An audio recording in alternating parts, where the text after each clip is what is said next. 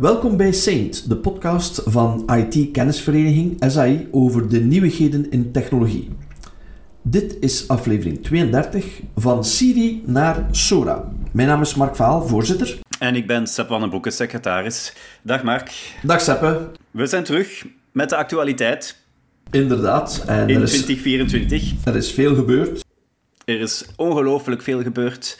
Uh, we hebben moeite gehad met de artikels eruit te kiezen. We hadden, het eigenlijk, uh, we hadden ze allemaal over AI kunnen laten gaan, maar er zijn ook nog een, eh, een heel pak andere zaken gebeurd in de wereld van IT. We willen natuurlijk altijd een beetje een mix brengen. En laten we misschien beginnen met ja, toch weer al een menselijke fout die gebeurd is.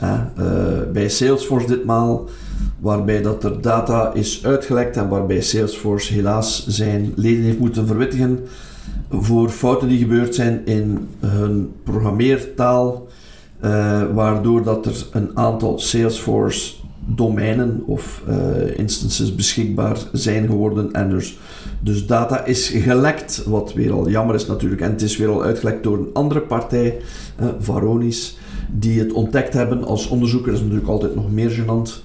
Mm -hmm. maar ja, het gebeurt. Hè. Dus ehm, en het, het is al positief dat jullie dat uitbrengen. Dus een beetje ook altijd die gecoördineerde zwakheden melden. Uh, zullen het wel gemeld hebben aan Salesforce die dan het gat heeft kunnen dichten. Maar uh, ja, informatie die uitlekt, zoals telefoonnummers en adressen en... Social security numbers, uh, ja. En credentials, gebruikersnamen en paswoorden. Oké, okay, meeste op Salesforce gaan niet meer inloggen uh, zonder MFA, want ik denk dat het bij Salesforce zelf verplicht is voor professionals, dat je niet meer kan inloggen zonder MFA. Maar niettemin, het gaat uh, toch, uh, mm -hmm. toch weer al wat ammunitie geven aan mensen die dan weer gaan bellen van ja, uw Salesforce-account is geblokkeerd en je moet nu even unlocken en we gaan nu door de procedure loodsen en dan ben je op die manier wel sigaar natuurlijk. Um, dat is wel natuurlijk ja, een beetje jammer dat ook bij grote organisaties, en dit keer is het Salesforce, niet Microsoft, die um, ja, toch een aantal misconfiguraties hebben.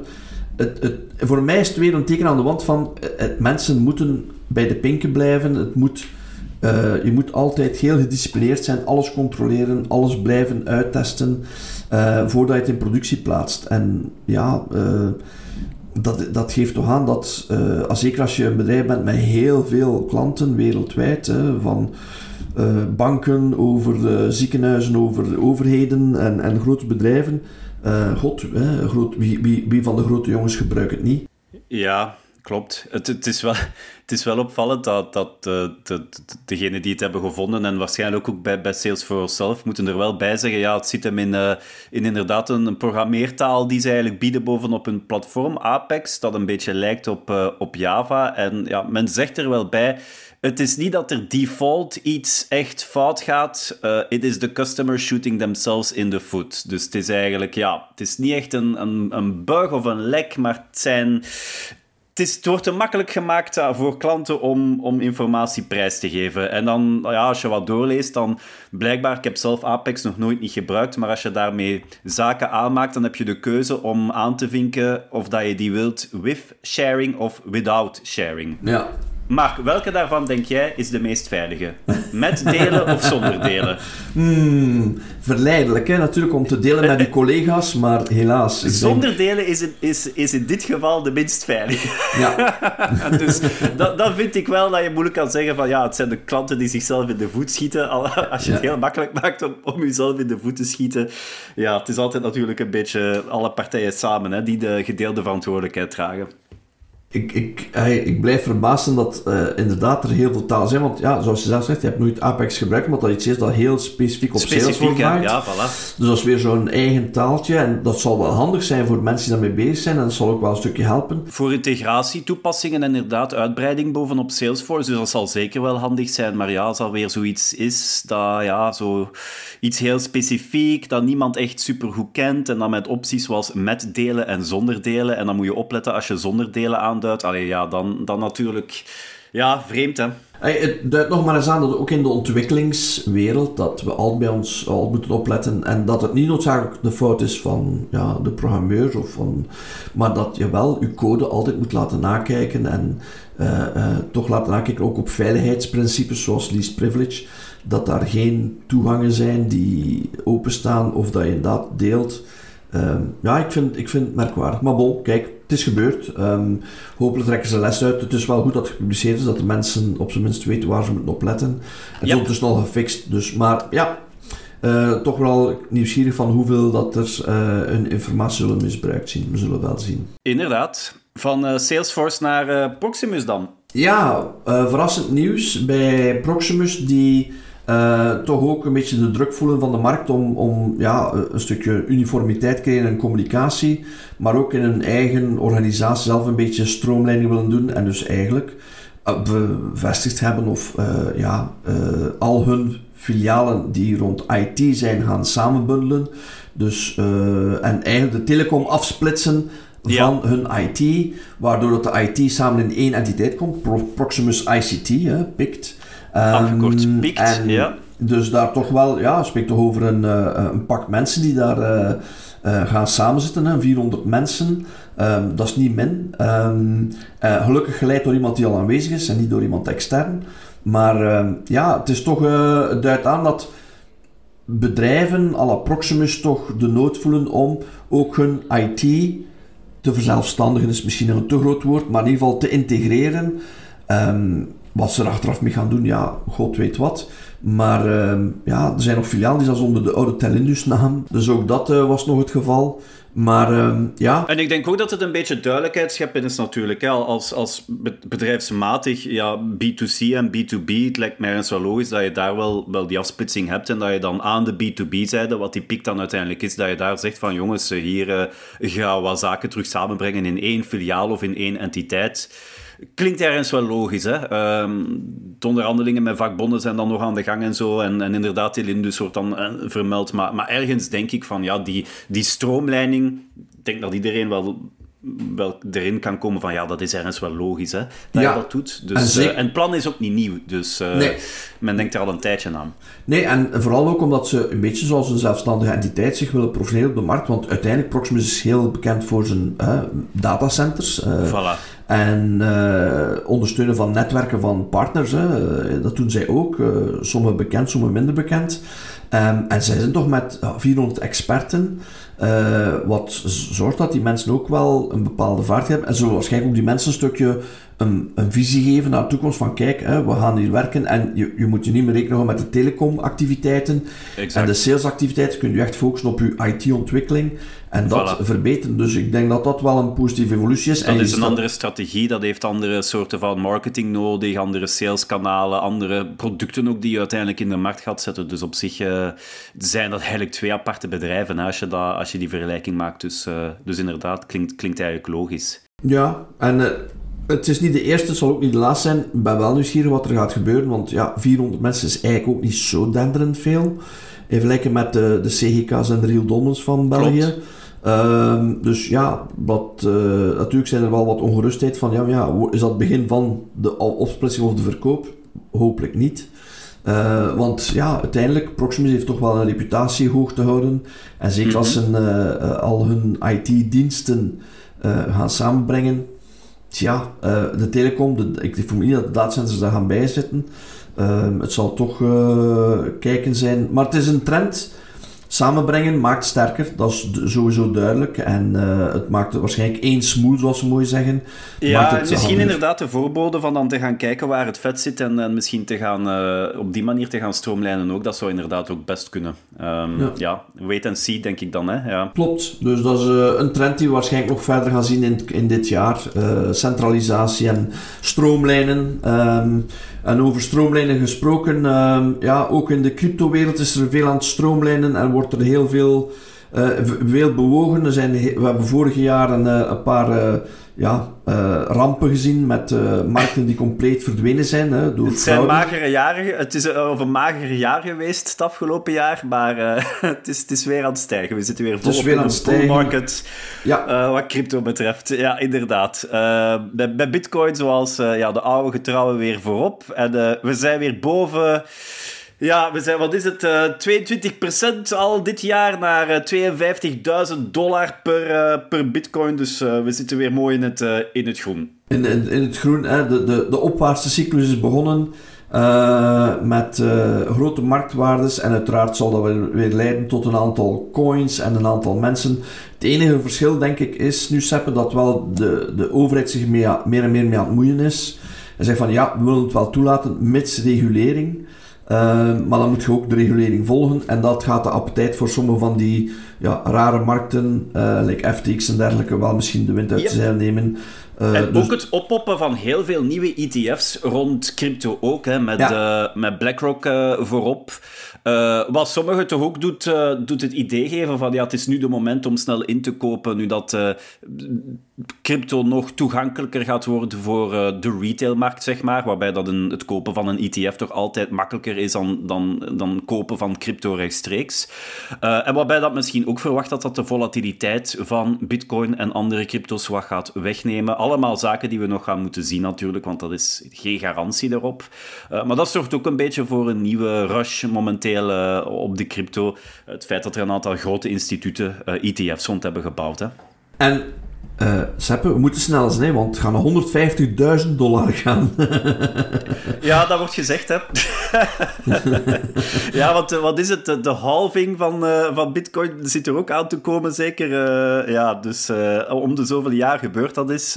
every, elke vier jaar, denk ik, als ik mij niet vergis, een beetje zo bij schrikkeljaren. Dat, is altijd, dat gaat altijd gepaard met een grote stijging. Dus de kans is groot dat dat nu ook het geval is. Maar, maar het record, de hoogste, ik wist dat niet, de hoogste koers van de bitcoin blijkbaar is uh, eh, 69.000 dollar geweest. Ja, ja, we zijn nog niet aan de, dus, aan de top, top. Nee, nee, nee, we zitten nog niet aan de dus, top. Eh, de piek er is van... nog potentieel, ja. maar uiteraard geven wij hier geen beleggingsadvies. Dat moeten we er toch wel even bij zeggen. Uh, dus maak zelf uw keuzes, beste luisteraar. Maar ja, we zitten weer kortom in een, in een groeipatroon hè, wat crypto betreft. Een beetje in, ook in navolging van de techstocks. En die, we hebben daar eerder ook al gezien dat die eigenlijk sterk gecorreleerd zijn. Ja. Je kan eigenlijk de vraag stellen of een, of een aandeel kopen van Nvidia, of het daarvoor nog de beste moment is. Uh, want die zijn misschien ook overgewaardeerd. Dus uh, ja, we leven weer in, uh, in opgehemelde tijden, ik zal het zo zeggen. Ja, en, en zoals altijd, je hebt de, de voorstander en de tegenstander. zijn toch weer wat mensen die, oplet, die al waarschuwen voor, let op voor de correctie die zal gebeuren. Hè, want uh, de markt kan zich heel snel corrigeren, en zeker in die markt. Maar wat wel positief is, is dat, vind ik persoonlijk, is dat dan die uh, markten waar dat de coins worden verhandeld, dat die toch iets meer worden bekeken, dat de, de Wild West er langzaam maar zeker aan het uitgaan is, omdat mensen, ja, er zijn heel veel mensen, en, miljoenen mensen die heel veel zijn verloren aan die markten. Hè, dus die heel hun, dat, dat, dat in bewaring haven en zijn alles kwijt. Dus daar zijn wel drama's gebeurd.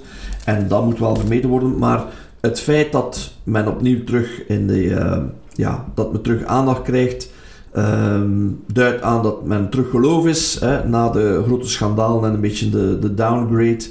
Uh, dat men terug gelooft in het verhaal. Maar ja, toch met een, een, zware zak zout, uh, denk ik. Ja, wel, er komt altijd een stukje risico bij kijken. Hè. Ik denk dat dat duidelijk is. Uh, natuurlijk, ja, de daders zullen wel ergens gelijk hebben dat na elke bubbel komt er een, komt er een correctie. Maar aan de andere kant, ja, gaat Bitcoin ooit terug naar nul gaan of compleet verdwijnen? Die kans begint er na verloop van tijd ook wel steeds minder om minder in te zitten, denk ik. Mm. Dus uh, vele kleintjes ook natuurlijk onder de crypto's die komen en gaan en waar daar heel veel scams tussen zitten.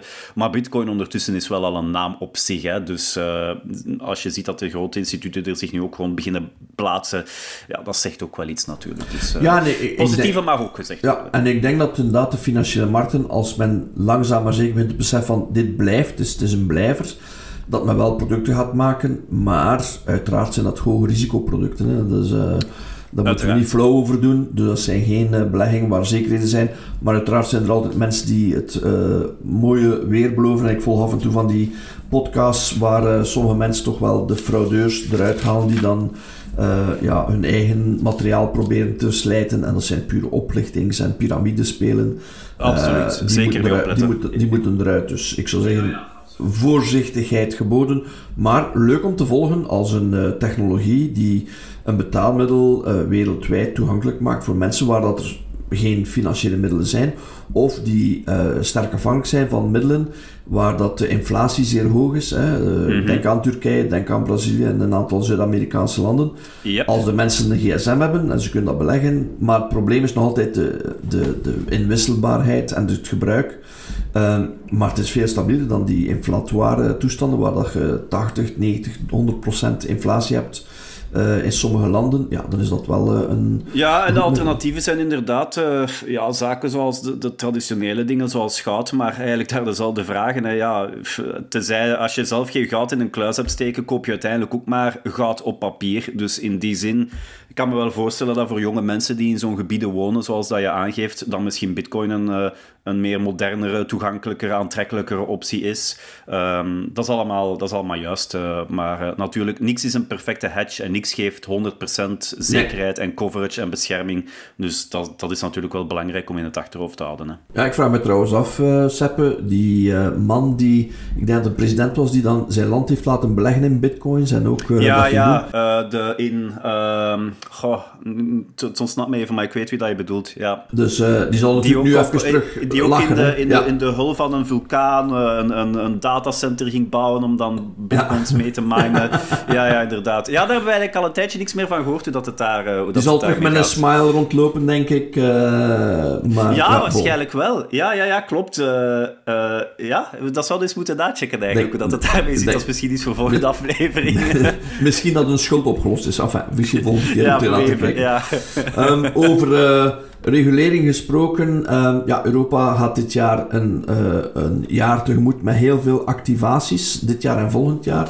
Naar heel veel reguleringen. Uh, ik moet wel zeggen, en dat is een beetje een conclusie die ik gemaakt heb, naar aanleiding van een overzicht dat ik heb gemaakt, dat er toch heel veel Europese digitale regelgeving dit jaar actief wordt en volgend jaar actief wordt. Um, en uiteraard, zoals altijd, na de GDPR in 2018, um, komt nu in 2024. De Digital Services Act en de Digital Markets Act uh, als de verordening. DSA en de DMA. Dat zijn, Er zijn er nog een aantal andere ook, maar dat zijn degenen die, uh, die het meeste beroering veroorzaken momenteel. Hè? Ja, en dus de periode, dus zijn twee jaar geleden goedgekeurd, maar men heeft altijd een soort uh, ja, periode waar men langzaam maar zeker een, een overgangsperiode van twee jaar doet. En dus nu, 17 februari, DSA van kracht. En op 7 maart wordt DMA van kracht. Uh, de Digital Markets Act. En dus zijn eigenlijk poortwachters die concurrentie willen toelaten uh, op de core platform services, zoals men zegt. Dus uh, de grote platformen, alle Alphabet, Meta, ja, ByteDance gezegd, TikTok. De DMA is voornamelijk ja. inderdaad gericht naar de, de Metas en, de, en, en ook de Apples en de Amazons ja. van, van de wereld. En, en wil doen echt gaan forceren van jongens, als je in Europa zaken wilt doen, daar ga je niet wegkomen met op een, uh, een Android die dat je verkoopt of, een, of ook een, ook een, uh, een iOS-toestel om langer te zeggen van ah, je, je wordt verplicht om hier Google als zoekmachine te gebruiken of je wordt verplicht om hier Safari te gebruiken of, en dat is hetgene wat Apple de laatste tijd zo kwaad maakt en een beetje doet reageren als een kleuter die, uh, die, die, die geen snoepje meer krijgt. mijn eigen dochter reageert soms ook zo.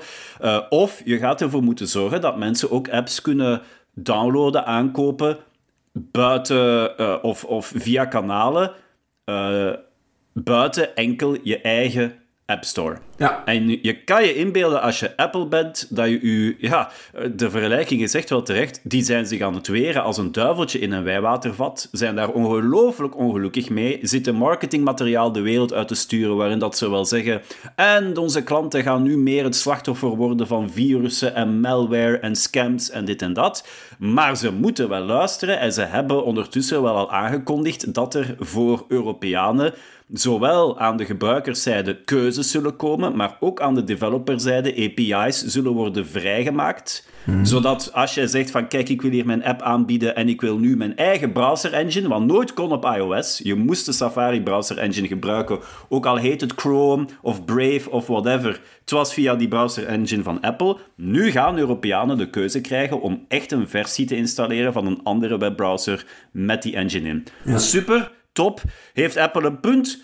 Misschien ergens wel. Je zou kunnen zeggen, ja, voor de gemiddelde gebruiker die niks kent van technologie, is dit een goede zaak. Die gaat misschien overrompeld worden door keuzes. Er gaan partijen zijn die er misbruik van gaan maken. Dat zal waarschijnlijk... Er, gaat, er gaan sowieso mensen zijn die, net zoals je op Android dat soms ziet, die een, een pakket downloaden, een app downloaden van een bron, god weet waar, op install duwen en met een virus op hun gsm zitten. Of met iets dat continu meeluistert. De Apple heeft daar, als je echt in de limiet gaat, heeft daar wel een punt. Aan de andere kant, als je een desktop-PC gebruikt, daar kun je al sinds jaar en dag installeren wat dat je wilt. Dus ja, het is een beetje een, een punt waarmee dat ze zich willen verdedigen. Maar ik denk in het algemeen heeft Europa hier wel gelijk dat consumenten, als je een device koopt, moeten ze nog steeds wel keuze krijgen in de zin van wat wil ik daarop installeren en hoe wil ik dit ding nu gebruiken. Dus, dus Digital Markets, akkoord. Ja, dus, dus, de Digital Markets Act gaat eigenlijk over de markten openstellen voor de concurrentie. Dat is wat je net aanhaalt. De Digital Services Act is eigenlijk de consument beschermen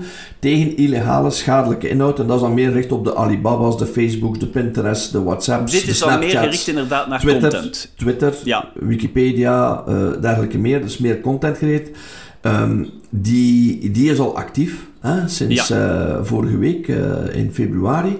Uh, ja. wil zeggen, het was al twee jaar actief, maar nu wordt het echt ook van kracht met boetes. En dat is het verschil natuurlijk. En daar is het vooral eigenlijk X van Elon Musk ja. die, die er niet echt tevreden mee zijn. Ook, en moeten we wel ergens toegeven, omdat Europa al heeft zitten zwaaien met de DSA richting Elon en zitten zeggen van ah, nu ga je moeten u houden aan onze regeltjes. Ja, dan kom je in, in het verhaal terecht van de factcheckers en zo. En ja, de, de, implementatie bij de lidstaten is nog niet echt oké, want de DSA bevat iets dat er dan mensen gaan aangeduid worden die dat allemaal gaan moeten opvolgen en controleren. En in principe zou die lijst van die factcheckers zou die publiek moeten zijn. Men heeft al de vraag gesteld, ah, in België, waar vind ik die lijst van die publieke factcheckers die werken voor de DSA? Kunt ze niet vinden. Dus... Ja. Maar het is ook zo natuurlijk, Seppe, dat um, het, het feit dat Um, en het World Economic Forum heeft dit jaar in januari zijn nieuwe lijst gepubliceerd met grootste risico's. En misinformatie en desinformatie is het grootste risico momenteel. Dat wordt aanschouwd. Groter dan het klimaat, groter dan uh, cybersecurity risico's. Dus het, en dus men merkt wel heel duidelijk dat uh, burgers heel veel informatie krijgen die niet juist is of, of ja, fout is. Ook in oplichting, hè. oplichting via de digitale kanalen, uh, illegale inhoud, haatspraak.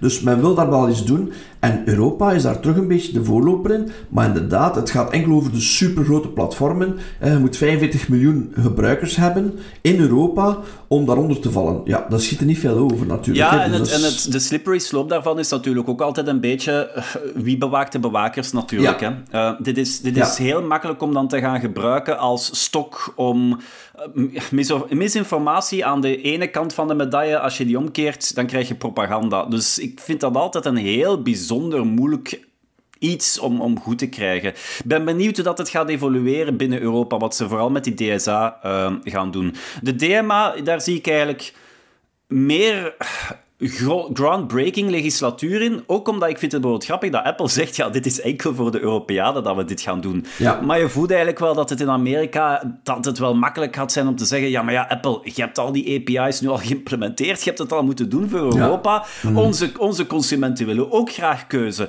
Dus daar denk ik, oké, okay, goede zaak. DSA je hebt gelijk, veel misinformatie. Maar gaat het hiermee volledig stoppen? Ah, maar het bizar is dat je denkt aan de DSA, ah, bescherming tegen haatspraak, dat de, de grote persdingen uh, zijn. Nee, blijkbaar vallen er ook de webshops zoals Alibaba en Booking.com mhm. en Zalando en zelfs Pornhub viel daaronder. Um, en wat uh, hilarisch was, want men zei, ja maar ja, sorry, misinformatie, desinformatie en het beschermen uh, is belangrijk. En als je het niet doet, Terug, typisch Europese regelgeving. Twee jaar heeft men de keuze gehad. Nu pas schiet paniek in gang. Waarom?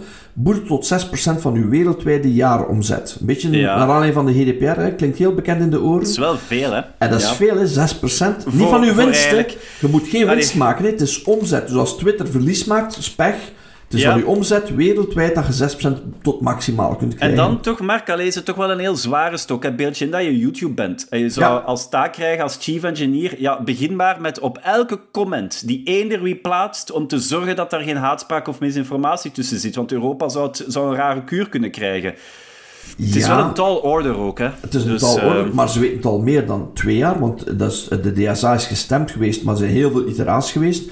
Dus je moet je voorstellen, Seppe, dat de lobbying zal heel sterk gewerkt hebben, maar heeft niet kunnen bereiken wat ze wilden bereiken. En vergeet ja, ja, niet, dat is waar. Dit is het compromis, hè? Vergeet het niet. Dit is de compromis die gestemd is geweest. Twee jaar wist men daarvan, en nu dat het actief wordt met de boetes, nu pas uh, zeg van, oh, ja, dan denk ik van, sorry, maar dat is een beetje uh, het verzuimen van of het licht ontkennen. En eigenlijk, het, het is wel logisch. Hè? Je, je, weet dat dat bedreigt, het, het escaleert. En men wil daar niet nul, maar men wil daar een perk en een paal aan stellen aan het feit dat er zoveel misbruiken zijn dat mensen eraan ja, zelfmoord plegen, eh, omdat ze, niet meer, eh, dat ze worden benaderd en worden getarget eh, via stalking. Men wil mensen beschermen tegen die illegale inhoud. Ook een beetje terug naar aanleiding van IS en, en hun propaganda op YouTube en op allerlei kanalen. en het gebeurt nog altijd. Dus ja, het is, een, het is een ziekte van onze tijd een beetje. Hè? En, en als je terugdenkt naar hoe dat wij in de jaren 90 met onze 56k-modem, het internet, ja, er zat niet veel volk op. Degenen die erop zaten waren nerds. En alles mocht gezegd worden, maar niemand nam elkaar serieus. En iedereen had wel de nodige eh, kritische geest om zich vaak te bedenken van ja, ja, dat zal wel. Vandaag de dag leven we natuurlijk in een heel andere wereld. Ehm, ons laatste artikel gaat er ook opkomen, maar ook met natuurlijk betere methodes om zaken te faken en, en zo. Dus ik, ja, ik, ik, zie inderdaad ook wel in de wereld is veranderd. Alleen, ik vind het echt een hele moeilijke om, om dit soort zaken... Ja, het is een slippery slope en, en, je moet heel, heel ehm, gebalanceerd ingesteld zijn om zoiets te kunnen doen, maar ook ondertussen de, de flexibiliteit van vrije meningsuiting en het feit dat er misschien af en toe iets verkeerd mag gezegd worden en voornamelijk tegen iemand hun overheid, hun eigen overheid, dan hmm. moet toch ook wel bewaard blijven natuurlijk. En dat is... Ik ben benieuwd wat het gaat geven. Ik kijk er met, met, ja, met aandacht uh, naar uit om te zien hoe dat dit verder gaat evolueren. Ik hoop dat het meer zal zijn dan enkel een, een extractie van, van een extra soort van belasting op Meta en Alphabet en X en zo verder. Dat zou een beetje flauw zijn natuurlijk. En er is inderdaad wel een risico, want er, zal, zullen onafhankelijke audits moeten gebeuren, die, men, dat men het goede trouw doet, maar uiteraard, wie gaat die risicoanalyse doen? Wie, hè, zoals je zegt, wie gaat de controleur, controleur controleren? Anderzijds, ja, je moet natuurlijk wel zien, uh, en er zijn ook mensen die zeggen, ja, maar ja, wat met de impact naar vrije meningsuiting, hè, Julian Assange, vandaag wordt beslist of hij wordt uitgewezen of niet. Wikipedia viel daar ook in, had ook meer dan 45 miljoen gebruikers. Uh, ja, dan viel dat er ook onder in. En dan zie je van, ja, maar ja, wacht, wat, wat is die doelstelling van, ah, doet nu waarschijnlijk niet meer. Maar um, het, is, het is een feit dat die DMA, de DSA vooral, eh, ook wel mm wat vragen oproept het principe is goed, maar ja, hoe gaat Hongarije in godsnaam de DSA toepassen? Ja, dan ja. kun je al inbeelden dat dat in twee richtingen kan natuurlijk evolueren. Ja. Dus uh, om nog maar te zeggen van de andere landen. Dus het is een beetje afhankelijk van, het, uh, zoals altijd kan technologie gebruikt en misbruikt worden. En er zijn nog veel open vragen, dus dat is zeker het geval. En ja, de idee uh, is wel goed, hè? concurrentie, want inderdaad, Google is een tijd veroordeeld geweest voor zijn zoekengine, Microsoft een tijd voor zijn browser. Dus men heeft wel een aantal voorbeelden, precedenten in de jaren 90 gesteld en in 2000, waarbij men toch wel heel duidelijk zegt van die DMA is nodig, die DSA is nodig, maar inderdaad de uitvoering na twee jaar, en er zal altijd discussie over zijn, daar ben ik het over eens, er zullen uh, zaken zijn die moeten uiteindelijk wel bij het Europees Hof voor Justitie en voor de vrijheid van de rechten van mensen terechtkomen, maar ik ben toch heel nieuwsgierig hoe het gaat uitlopen, maar het feit is, het is er. En vanaf 7 mhm. maart gaan die gevolgen niet onmiddellijk misschien zichtbaar zijn, maar er gaan wel, uh, zullen we misschien extra bericht krijgen om vanuit Signal bepaalde berichten te kunnen sturen of ontvangen van WhatsApp of Messenger, omdat ja... En, en dat zijn dan weer zo zaken, ik denk ook natuurlijk met zo alles over dezelfde streep te trekken, een App Store op iOS die dat je moet kunnen vervangen of ook een andere App Store installeren, dat is vrij verregaand. En dat is vrij ingrijpend. En dat is echt keuze geven aan consumenten. Mhm. Tegen jou zeggen van... Ah, WhatsApp moet er maar voor zorgen dat hij ook berichten van Signal kan ontvangen en vice versa dan heb ik als consument zoiets van, ja, oké, leuk, maar geen essentie, geen prioriteit. Ik weet dat als ik WhatsApp gebruik, dat het is om met andere WhatsApp-gebruikers. En niemand verbiedt mij om ook Signal ernaast te installeren voor die mensen die dan graag met Signal babbelen. Dus snapte, dat lijkt mij zoiets van een ander niveau eerder. Terwijl dat de implementatie, ik denk dat het implementatiegewijs niet zoveel moeilijker is om tegen Apple te zeggen, nu ga je zorgen dat er ook andere app stores mogelijk zijn, mhm. versus dan tegen WhatsApp te zeggen, nu moet je maar zorgen dat je ook hier signalberichten kan ontvangen. Ja.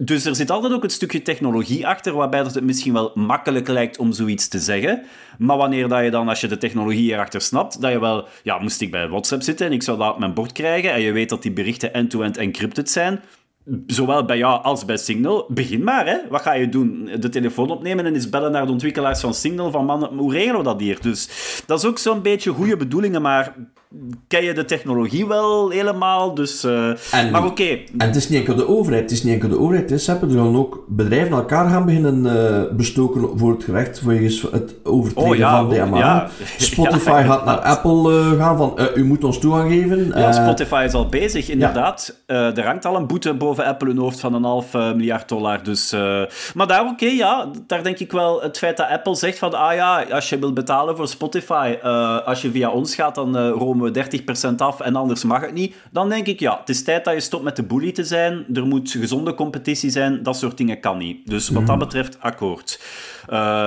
Ik denk ook niet dat dat echt innovatie zwaar gaat tegengaan door zoiets te doen. Dat gaat juist kleine spelers helpen om een mogelijkheid te geven om, om te groeien. Dus dan denk ik perfect. Ja. DSA aan de andere kant, dan denk ik, ja, stel dat je een kleine speler bent en je hebt de droom om een platform, om een nieuw sociaal netwerk uit de grond te stampen, of een nieuwe videohosting website, of een nieuwe webshop, of een nieuwe zoekengine daar denk ik dan wel eerder van, oei, als ik een kleine speler zou zijn en de dag komt ooit dat ik een, redelijk aantal gebruikers heb, de, de regulatory risk dat ik hier nu boven mij heb hangen daarmee is toch wel groter geworden. Gaan er nog vele zijn in Europa die dit gaan willen riskeren? 6% van de omzet, zoals dat je zegt. Dus in die zin voelen ze een beetje, smaken ze een beetje anders naar mijn gevoel. Maar we gaan wel, zoals dat, ja, we gaan interessante tijden krijgen. Dat is, uh, dat is wel waar. Het is weer een experiment op zijn Europees en we gaan weer kijken wat dat het gaat gaat geven en hoe dat dit gaat eindigen en welke andere contraien in de wereld dat er ons gaan volgen ook. Dat gaat ook interessant zijn, van uh, hoe gaat dat evolueren. Maar uh, ja, er zit wat op ons af te komen. En als je spreekt van, Seppe, wat komt er op ons af? Ja, we eindigen misschien wel met het meest spectaculaire, uh, dat nog niet toegankelijk is, maar waar wel allemaal demos van bestaan. Sora. Hè? De Sora, hè? Ja. Sora, het AI-model dat bijna films kan maken op basis van een tekst eigenlijk. En, uh, bijna, ik zou zeggen, het kan. ja. Uh, Een minuutje lang, max. Maar er, zit, er zit niet echt iets technisch in waarbij dat je niet kan zeggen, ja, pak dan die laatste vijf seconden en extend die verder. Dat zal wel... Maar het resultaat is fenomenaal, hè. Gewoon. Als je ziet een, een, een, jaar geleden Will Smith die daar spaghetti zit te eten en, en die mond gaat alle richtingen uit die video's die dat ding vandaag genereert. Het komt van OpenAI trouwens, natuurlijk op basis van kennis die ze met uh, ChatGPT hebben opgedaan. En het ziet er gewoon geweldig uit. Ehm, het is bijna dat je naar films te kijken die door een reclamebureau zijn gemaakt. Ja, de kwaliteit is, is geweldig. Het heeft een coherent wereldmodel.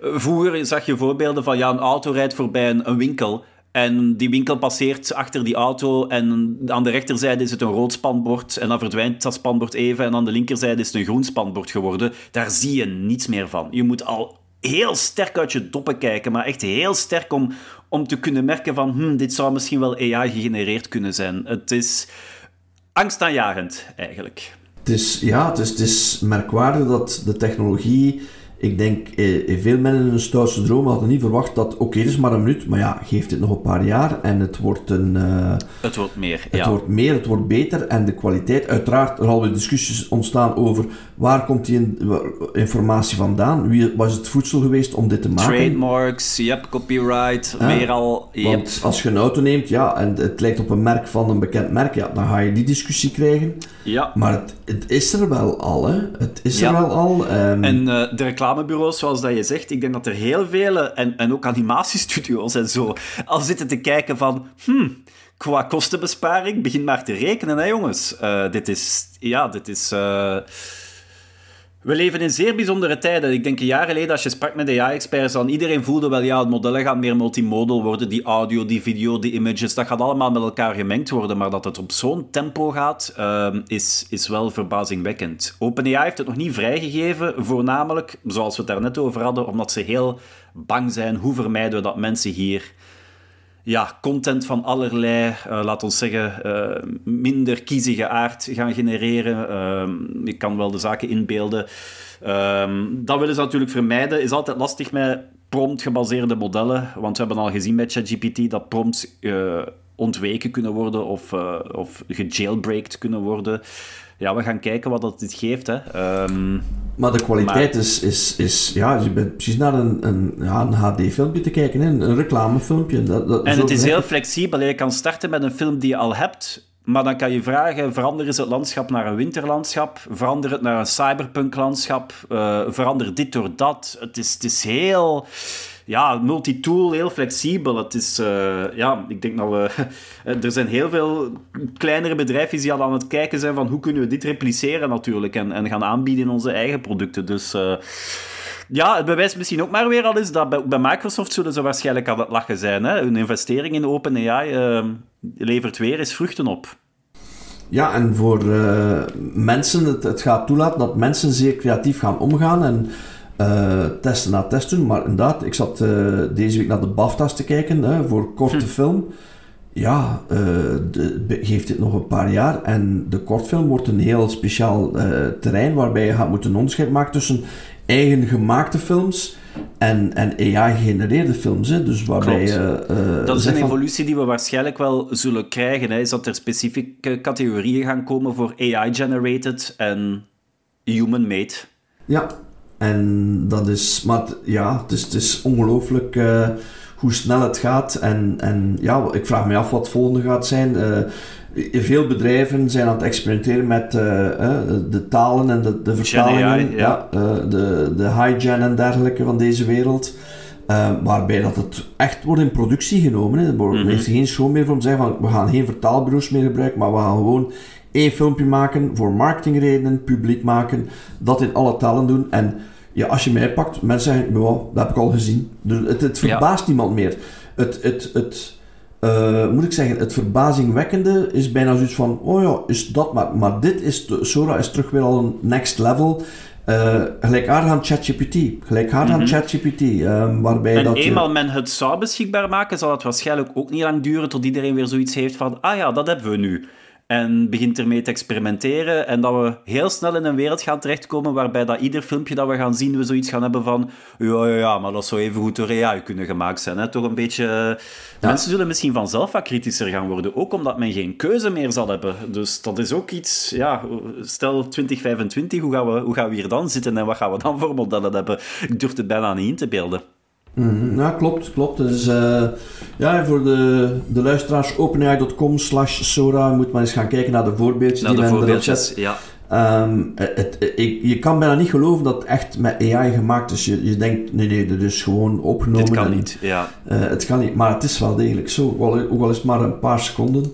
Uh, het is razend knap gedaan.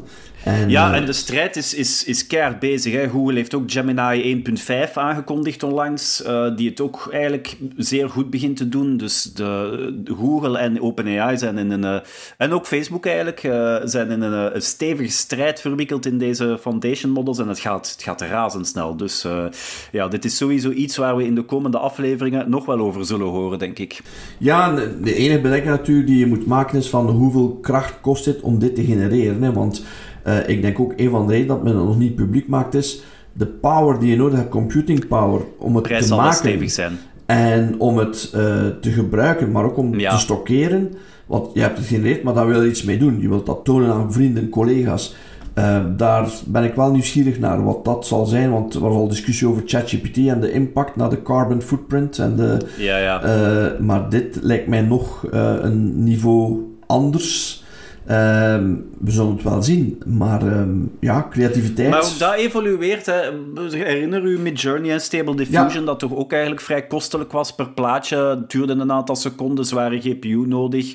Uh, Stability AI heeft, uh, heeft Stable Cascade ook afgelopen week uitgegeven. Dat een veel kleiner model is met minder parameters. En eigenlijk al kan beginnen draaien op smartphones. Dus ook daar, de, je ziet vaak dat die eerste modellen veel power nodig hebben, overgeparametriseerd zijn, maar dan komt er altijd een nieuwe golf waarbij dat men dan natuurlijk probeert te gaan downsqueezen en te verkleinen, omdat men juist graag wil dat dat kan draaien op smartphones. Dat is natuurlijk het doel, of op, op consumer devices.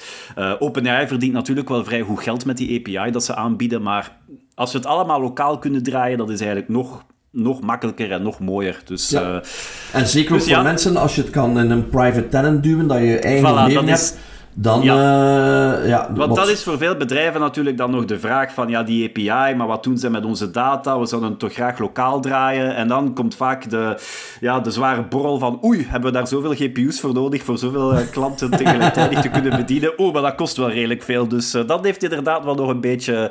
Ja, daar moeten we nog een kleine evolutie, evolutie in doormaken, dat is wel zo. Ik denk dat daar nog wel wat water naar de zee gaat stromen en vooral ook dat we gaan moeten kijken van... Ja, en ik denk niet dat het gratis zal zijn. Men gaat hier eh, goed doorrekenen, want men weet heel duidelijk wat hier de mogelijkheden zijn. Maar het bestaat. Dus, ja, uh, Sora zal geen free uh, for all worden, denk ik. dat zou mij ook sterk verbazen. Voilà, dat was dan een beetje, terug een beetje samengevat met een mooi einde. Een zeer uitdagend einde, denk ik. We zijn allemaal nieuwsgierig. Ik wil er ook wel eens met experimenteren. Maar ik ben nieuwsgierig wat het de volgende keer zal brengen. Idem dito. Tot de volgende keer. Tot de volgende keer.